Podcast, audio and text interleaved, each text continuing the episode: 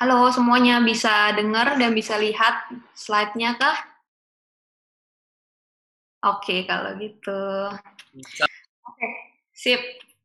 Semuanya excited buat sharing hari ini? Hari ini aku tema...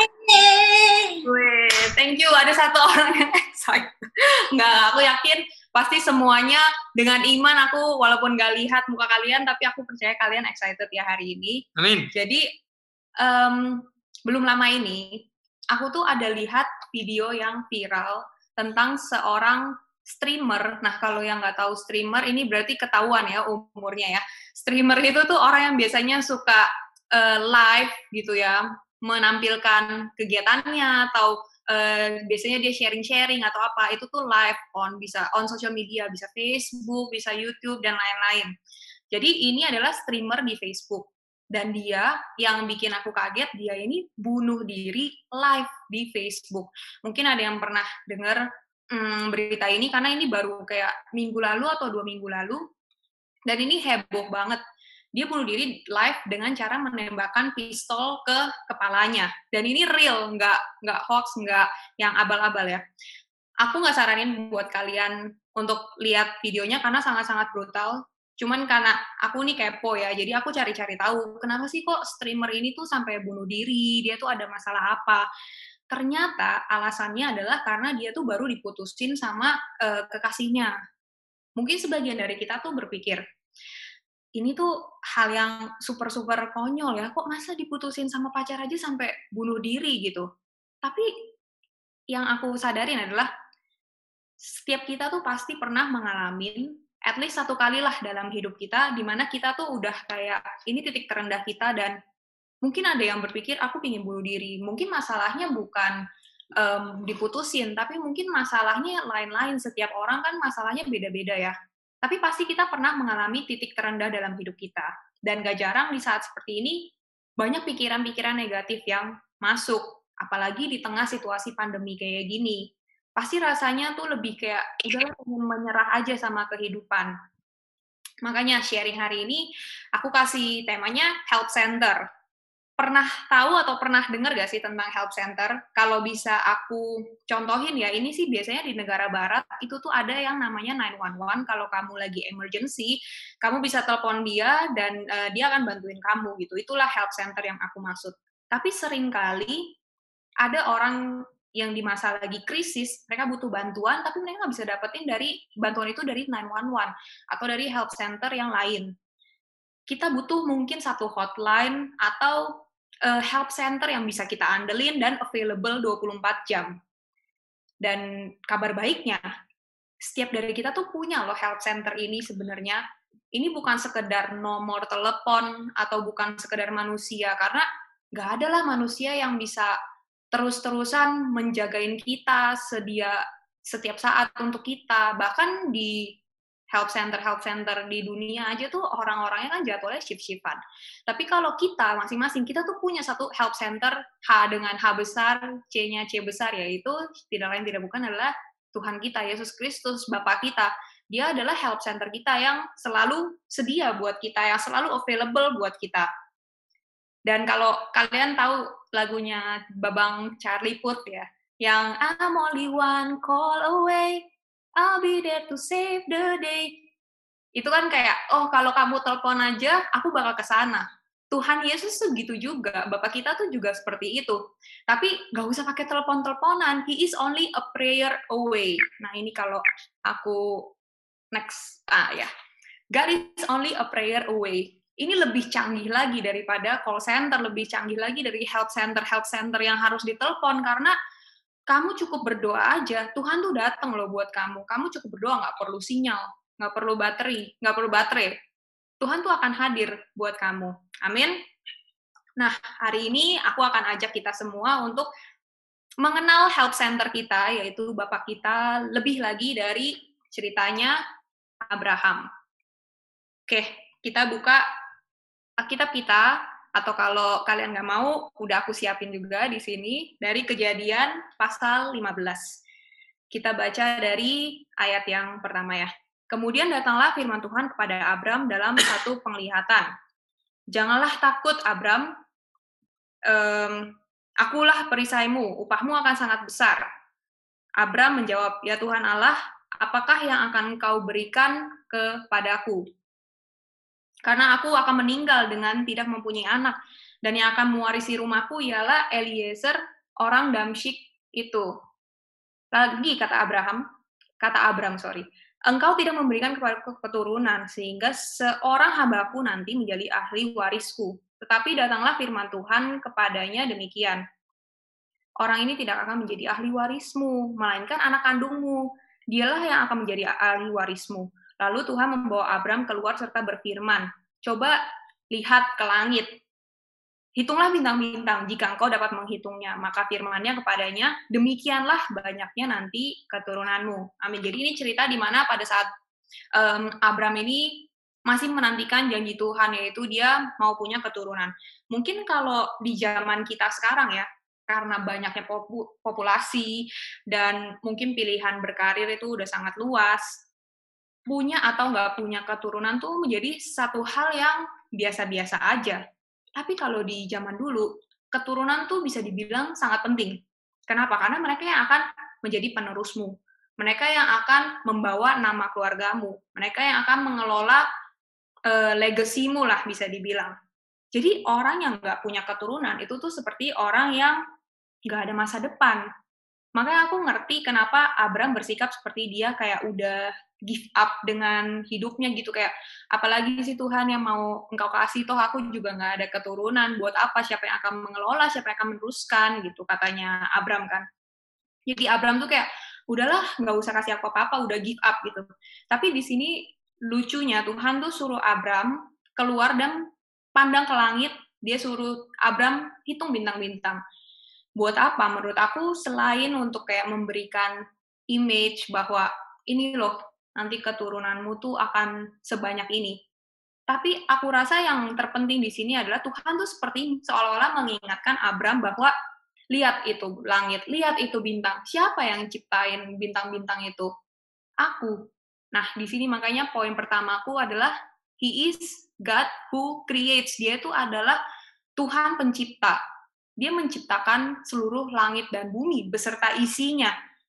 Artinya, ia juga sanggup untuk memberikan keturunan bagi Abram. Dia bisa menciptakan dari yang tidak ada menjadi ada kan. Dia menciptakan segala sesuatunya. Artinya gak ada yang gak mungkin bagi dia gitu loh apa sih yang sedang kita doakan hari-hari ini? Aku mau katakan dengan iman, meskipun kita belum melihat jawaban Tuhan, meskipun kita belum melihat pertolongan Tuhan, bukan berarti itu tuh jawabannya tuh atau pertolongannya belum dikasih sama Tuhan loh. There's more than what our eyes can see, makanya aku tulis di sini.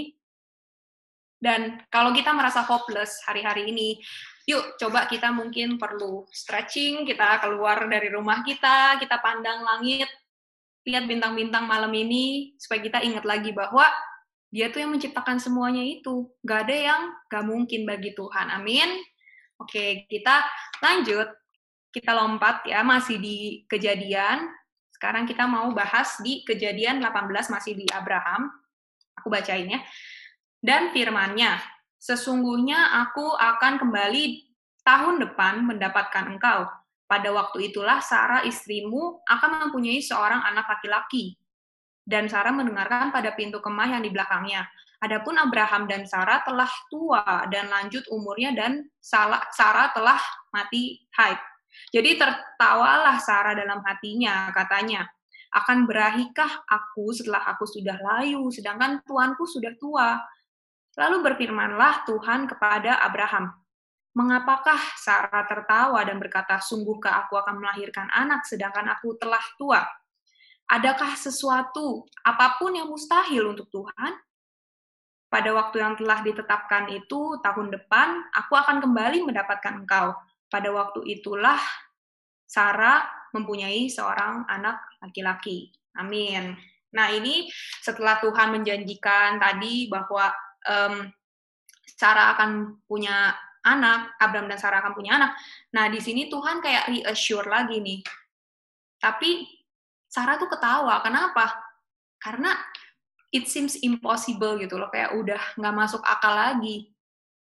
Di zaman itu tuh belum ada loh bayi tabung, mungkin kayak yang canggih-canggih kayak sekarang suntik hormon atau apa pun. Jadi kalau seorang wanita udah mati haid, itu tuh artinya that's it. It's over buat harapanmu punya keturunan. Itu tuh udah artinya udah mati gitu, mati harapanmu. Tapi aku mau kasih assurance di sini bahwa Tuhan kita tuh Tuhan yang membangkitkan. Dia tuh God who resurrects. Dia adalah Tuhan pembangkit kita. Dan di sini kata-katanya aku tulis, it's not over until God says it's over. Tuhan punya jadwalnya sendiri, jadi jangan kita langsung judge sesuatu tuh udah berakhir, sesuatu udah tamat, kalau bukan Tuhan yang berbicara. Bahkan kalau sampai sesuatu memang sudah mati pun, Tuhan kita tuh punya kuasa untuk membangkitkan. Makanya di sini aku bilang poin kedua adalah God resurrects, Tuhan membangkitkan. Seperti Sarah yang dialami Sarah dia sudah mati haid Abraham juga sudah tua banget tapi mereka masih bisa punya keturunan gitu. Itu hal yang menurut aku kalau dengar cerita gini tuh hal yang luar biasa banget menguatkan aku gitu. Karena ternyata apa pun yang mati apa pun yang sudah mati itu tuh bukan berarti kayak udah chapter terakhir dari hidup kita gitu loh. Karena Tuhan tuh masih punya the final say. Karena Tuhan yang menentukan akhirnya, bukan kita yang menentukan. Mungkin kita juga mengalami kematian seperti Sarah, mungkin kita udah nggak tahu sih aku mungkin kayak kita tutup toko kita karena kita udah nggak bisa bayar sewa atau mungkin penyakit kita udah stadium akhir itu kan seperti kayak mengalami kematian juga gitu loh tapi kuasa Tuhan tidak berubah dari dulu, sekarang, dan selamanya. Amin. Kalau Tuhan bisa membangkitkan kandungan Sarah yang dulu sudah mati, aku percaya ia juga sanggup membangkitkan apa pun yang telah mati dalam hidupmu. Yang percaya Tuhan sanggup uh, dan masih ngikutin sermonnya, boleh kasih emot thumbs up mungkin, kasih emot jempol. Oke, okay, thank you.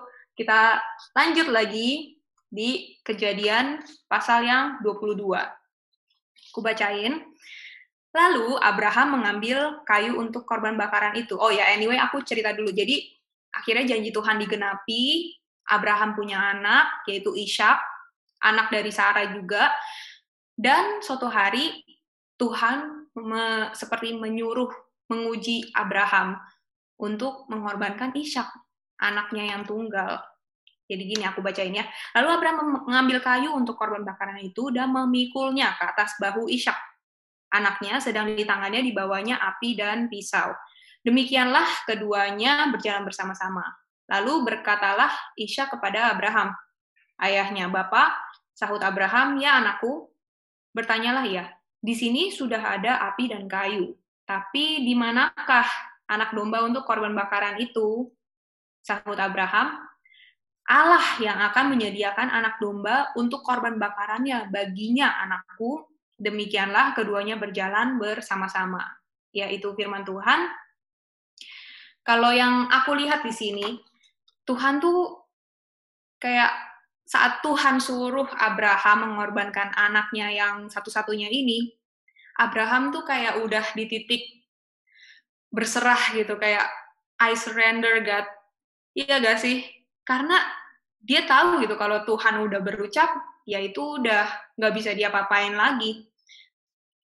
Tapi kata-katanya di sini tuh Abraham, coba aku balik bentar. Itu nggak kayak orang yang udah surrender, karena dia ngomong gini, Allah yang akan menyediakan anak domba untuk korban bakaran baginya. Itu kan bukan kata-katanya orang yang udah surrender kan, tapi aku merasa Abraham itu tuh surrender, tapi dia surrendernya sama Tuhan, bukan surrender sama masalahnya dia. Bedanya apa? Kalau surrender ke masalah kita, itu tuh seperti kayak kita tuh udah menyerah. Mungkin kalau kita jadi Abraham dan kita surrender sama masalah kita, kita udah kayak ya udahlah terserah Tuhan deh, anakku mau mati ya, ya udah matilah mau gimana lagi, nggak bisa diapa-apain gitu. Tapi kalau surrender to God, berserah kepada Tuhan, itu tuh artinya tahu betul bahwa Tuhan itu yang memegang hidup dan mati seseorang. Kalau Tuhan nggak izinin Ishak mati, pasti dia, maksudnya Tuhan akan menggunakan segala cara untuk melindungi Ishak, gitu. Dan kalau sampai Ishak diizinkan, mati pun. Ya itu tadi Abraham kan tahu Tuhan kita tuh Tuhan yang bisa membangkitkan gitu. Dia sudah mengalami Tuhan, dia bisa melihat Tuhan tuh Tuhan yang membangkitkan. Kalau dia mau bangkitkan Ishak, gampang aja sebenarnya. Jadi surrendernya Abraham ini tuh yang luar biasa gitu. Makanya aku sampai ngomong di sini adalah never underestimate the power of surrender. Karena saat kita surrender, Tuhan yang akan turun tangan buat kita. Saat Abraham udah surrender to God, saat dia udah berserah sama Tuhan, kita tahu kan akhirnya Tuhan tuh nggak berlama-lama dan nggak terlambat untuk menyelamatkan Ishak. Dia langsung kayak nyiapin, stop Abraham, aku siapin kamu penggantinya supaya kamu nggak usah korbanin Ishak dan dia siapin satu korban bakaran baginya sendiri. Nah itu yang aku ngomong saat kita udah angkat tangan, Tuhan yang akan turun tangan dalam hidup kita untuk menolong kita. Amin. Jadi aku mau recap dulu poinnya ada tiga. Yang pertama, dia Tuhan yang menciptakan dari yang tidak ada menjadi ada. Yang kedua, dia Tuhan yang membangkitkan. Apa pun yang udah mati dalam hidup kita, kita nggak perlu khawatir karena dia yang punya the last say, dia yang punya our final chapter tuh di tangan dia gitu. Dia bisa membangkitkan apa pun yang telah mati. Yang ketiga, dia Tuhan yang menyelamatkan. Dia Tuhan yang menolong kita, yang rescue kita. God delivers. Apa pun yang kita hadapin saat ini, dia sanggup untuk menolong kita. Yang penting kita surrender to Him. Gak usah pakai cara kita sendiri. Gak usah kita berusaha untuk menolong diri kita sendiri gitu. Dan aku mau kesaksian sedikit juga atau banyak nggak apa-apa lah ya. Kita sampai jam 12-an lah ya hari ini. Nggak nggak. Nggak aku bercanda. Oke jadi aku mau kesaksian dari pengalaman pribadiku. Dan ini aku nggak pernah cerita di sal grup sih karena um, ini termasuk personal buat aku. Ini ada pengalaman pribadiku di mana aku di titik terendahku pada saat itu dan aku jalan satu-satunya aku cuma bisa surrender to God. Jadi sedikit background story buat yang nggak tahu, aku ini dari kelas 5 SD sampai 3 SMP aku tinggal di Jayapura, Papua. Kalau kalian nggak tahu Jayapura, kalian nanti boleh cek Google Maps. Jayapura itu adalah kota di ujung timur Indonesia, perbatasan antara Indonesia dan Papua Nugini. Jadi itu adalah daerah yang udik gitu loh. Udik apa ya? Daerah yang desa banget, terbelakang, terbelakang. terbelakang banget gitu. Jadi pada saat aku kelas 1 SMP di sana, mamaku hamil anak yang ketiga, yaitu adikku yang paling kecil. Makanya aku bedanya jauh sama adikku. Dan kehamilan di usia mamaku pada saat itu kan memang sangat rawan karena kan usianya udah nggak muda lagi. Ditambah lagi, aku ya tinggalnya bukan di kota besar. Di Jayapura tuh bahasa halusnya fasilitas dan tim medis di sana tuh sangat amat minim gitulah untuk aku ngomong gitu aja ya. Maksudnya aku nggak bisa buka terlalu banyak cuman di sana tuh sangat amat minim. Jadi kita nggak bisa ngandelin fasilitas di sana gitu. Jadi kehamilan mamaku pada saat itu menjadi satu hal yang drama banget buat hidupku. Singkat cerita setelah melahirkan adikku ternyata dramanya belum berakhir sampai di sana karena mamaku kena yang namanya baby blue syndrome. Baby blue syndrome itu adalah satu um, penyakit psikologi psikis ya yang diderita oleh ibu-ibu um, yang habis melahirkan. Gejalanya tuh bisa depresi, benci sama diri sendiri, bahkan bisa benci sama bayi dan suaminya. Jadinya kehidupan rumah tangga papa mamaku yang selama belasan tahun ini sangat solid, sangat harmonis bisa aku bilang, tiba-tiba tuh terbalik, terguncang hebat. Aku tuh sampai stres berat pada saat itu. Kayak tiap hari tuh aku literally dengernya kayak berantem-berantem padahal selama aku belasan tahun sama mereka, mereka tuh bukan tipe keluarga yang suka berantem gitu. Jadi itu hal yang bikin aku stres banget. Family yang selama ini aku rasa ini tempat nyamanku, ini tempatku yang kokoh, itu tuh bener-bener diguncang pada saat itu. Sampai-sampai tiap kali aku pulang sekolah kan bunyi bel tuh kayak itu artinya udah pulang sekolah. aku tuh sampai kayak langsung deg-degan. Aku tanganku basah karena aku nggak mau pulang. Aku gak nggak berani gitu pulang. Karena kalau pulang aku bakal melihat hal yang sama lagi. Aku bakal melihat konflik lagi dan aku tuh capek banget pada saat itu. Aku nggak tahu aku harus lari ke mana dan tapi ya sadly aku memang harus pulang kan. Nggak mungkin aku tinggal di sekolah dan aku harus tetap bantu ngurusin adikku aku harus bantuin bantuin usahanya papa mamaku karena pada saat itu ya keadaannya tuh lagi nggak stabil. Aku tuh pada momen-momen itu mau nangis aja tuh sampai nggak bisa. Bener-bener ada satu titik yang uh, sedih aja tuh udah nggak bisa nangis gitu. Rasanya tuh berat banget hari demi hari.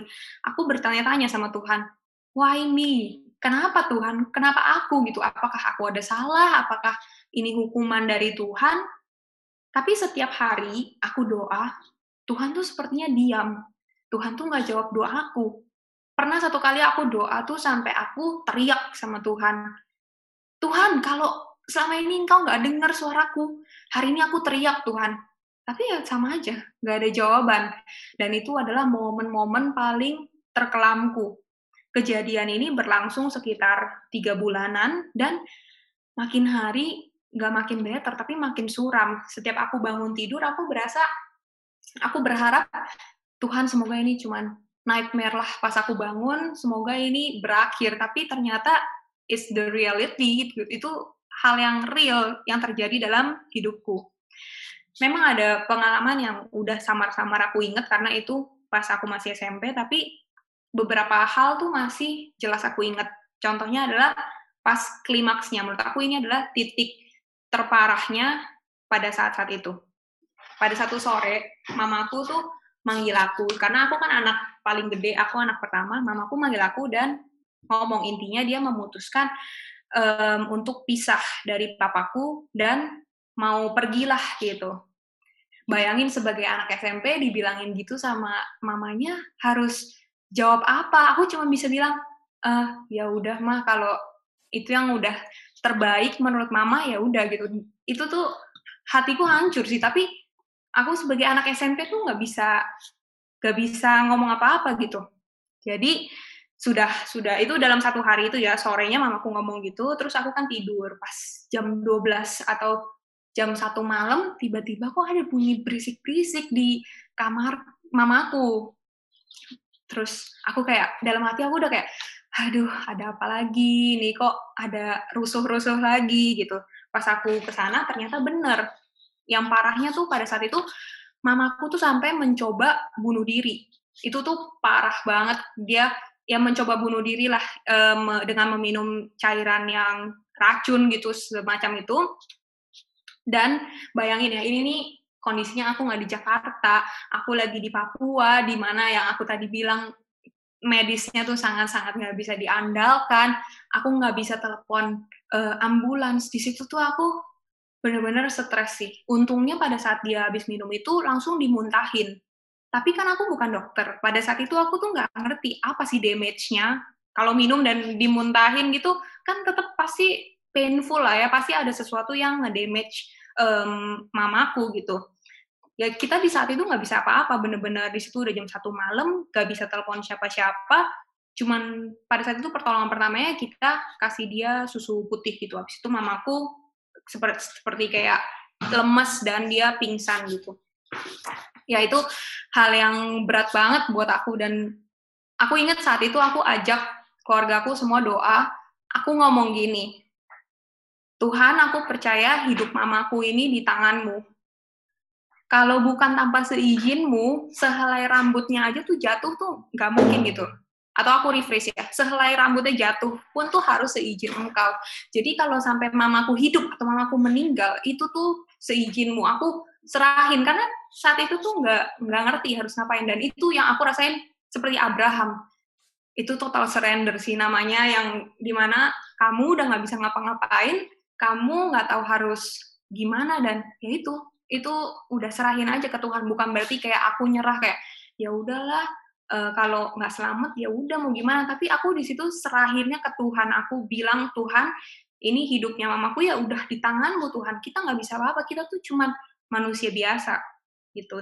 Akhirnya lewat malam itu besok paginya bangun puji Tuhan banget mamaku tuh kayak nggak ada apa-apa beneran kayak nggak nggak ada damage apa-apa gitu. Nggak sakit perut nggak pusing. Mamaku bangun dengan normal sehat tidak kekurangan satu apa pun. Mamaku selamat. Padahal ya maksudnya ada orang yang keracunan makanan aja tuh sampai harus masuk rumah sakit gak sih? Maksudnya sampai parah gitu. Tapi aku yang minum racun Tuhan bisa selamatin. Nah itu di situ aku melihat bahwa emang yang pegang hidupnya manusia tuh ya Tuhan bukan kita sendiri gitu itu yang sampai sekarang luar biasa banget aku rasain tapi bukan cuma di situ aja ceritanya nah ini ada ada semacam ini adalah kejadian yang bikin aku percaya banget bahwa God is so real. Tuhan tuh sangat nyata dalam hidupku.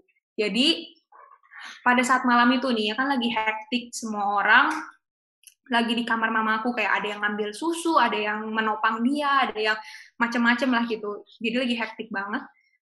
Terus tiba-tiba ada yang telepon ke rumah kita jam satu malam. Aneh banget, ada yang telepon pas diangkat ternyata itu adalah pendeta kita. Wah aneh pol sih ini memang kayak halo pak itu kan kayak iya ada apa pak malam-malam terus bapaknya ini ngomong iya saya terima miss call dari nomor ini dan gak tahu siapa yang telepon pada saat itu karena semua orang tuh lagi sibuk semua orang lagi pusing panik nggak akan kepikir untuk nelpon Pak Pendeta juga karena kita nggak ceritain ini gitu loh. Dan sampai sekarang aku masih nggak tahu sih siapa yang telepon itu. Cuman ada miss call. Tapi di situ setelah Bapak Pendetanya telepon kita, itu tuh semacam titik balik dari cerita kejadian ini semua. Jadi karena bapaknya telepon, aku sharing.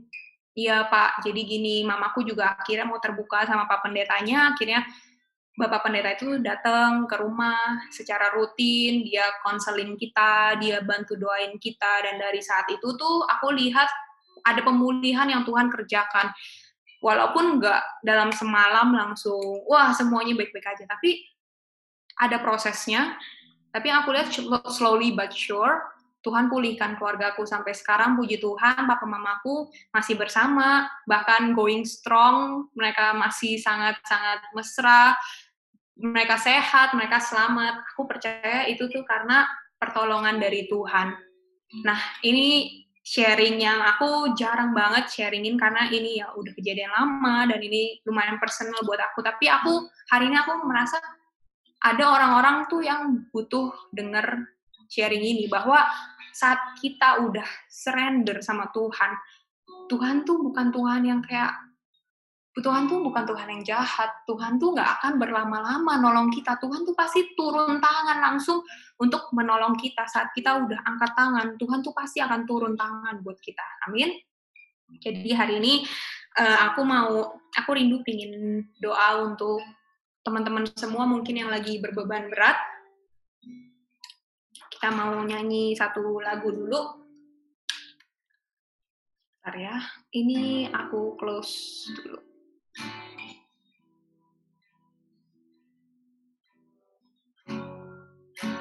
Berseru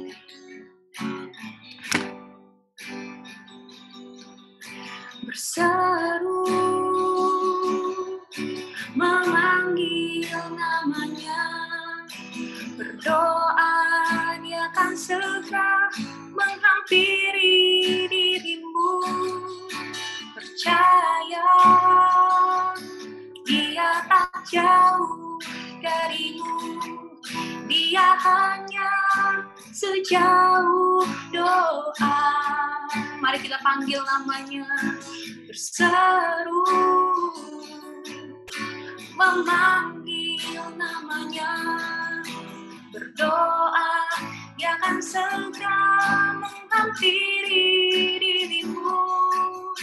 Percaya, dia tak jauh darimu dia hanya sejauh doa. Aku percaya malam ini ada orang-orang yang mau Tuhan sembuhkan. malam ini ada orang-orang yang akan Tuhan pulihkan, akan Tuhan jamah. Mari kita semua tundukkan kepala, kita nggak usah lihat kanan kiri, kita fokus aja sama Tuhan karena aku percaya Tuhan hadir di rumah kita masing-masing, Tuhan hadir di tempat kita masing-masing di mana pun kita berada. Dan mata Tuhan sedang melihat masing-masing dari kita. Kalau kalian merasa hari-hari ini terlalu berat buat kalian, kalian nggak bisa ngelewatinnya lagi, kalian seperti udah mau menyerah terhadap kehidupan, kalian mau give up, atau mungkin bahkan kalian berpikir untuk mengakhiri hidup kalian. Hari ini aku mau berdoa buat kalian. Kalian boleh letakkan tangan kanan kalian di dada. Biar cukup kalian dan Tuhan yang tahu, biar Tuhan yang melihat.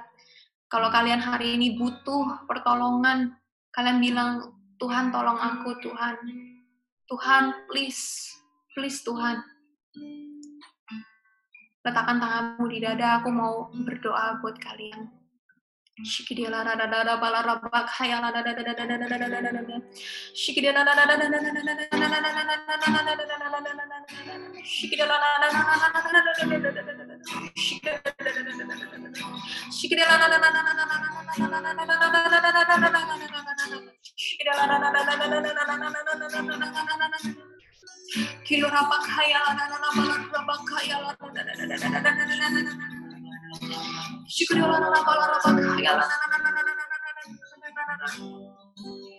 Tuhan aku mau berdoa Tuhan untuk mereka yang menaruh tangan mereka di dada Tuhan.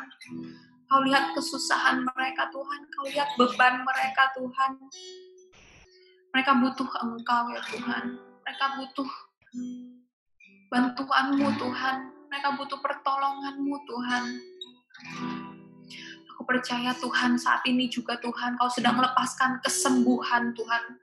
Untuk mereka Tuhan yang mungkin sedang sakit.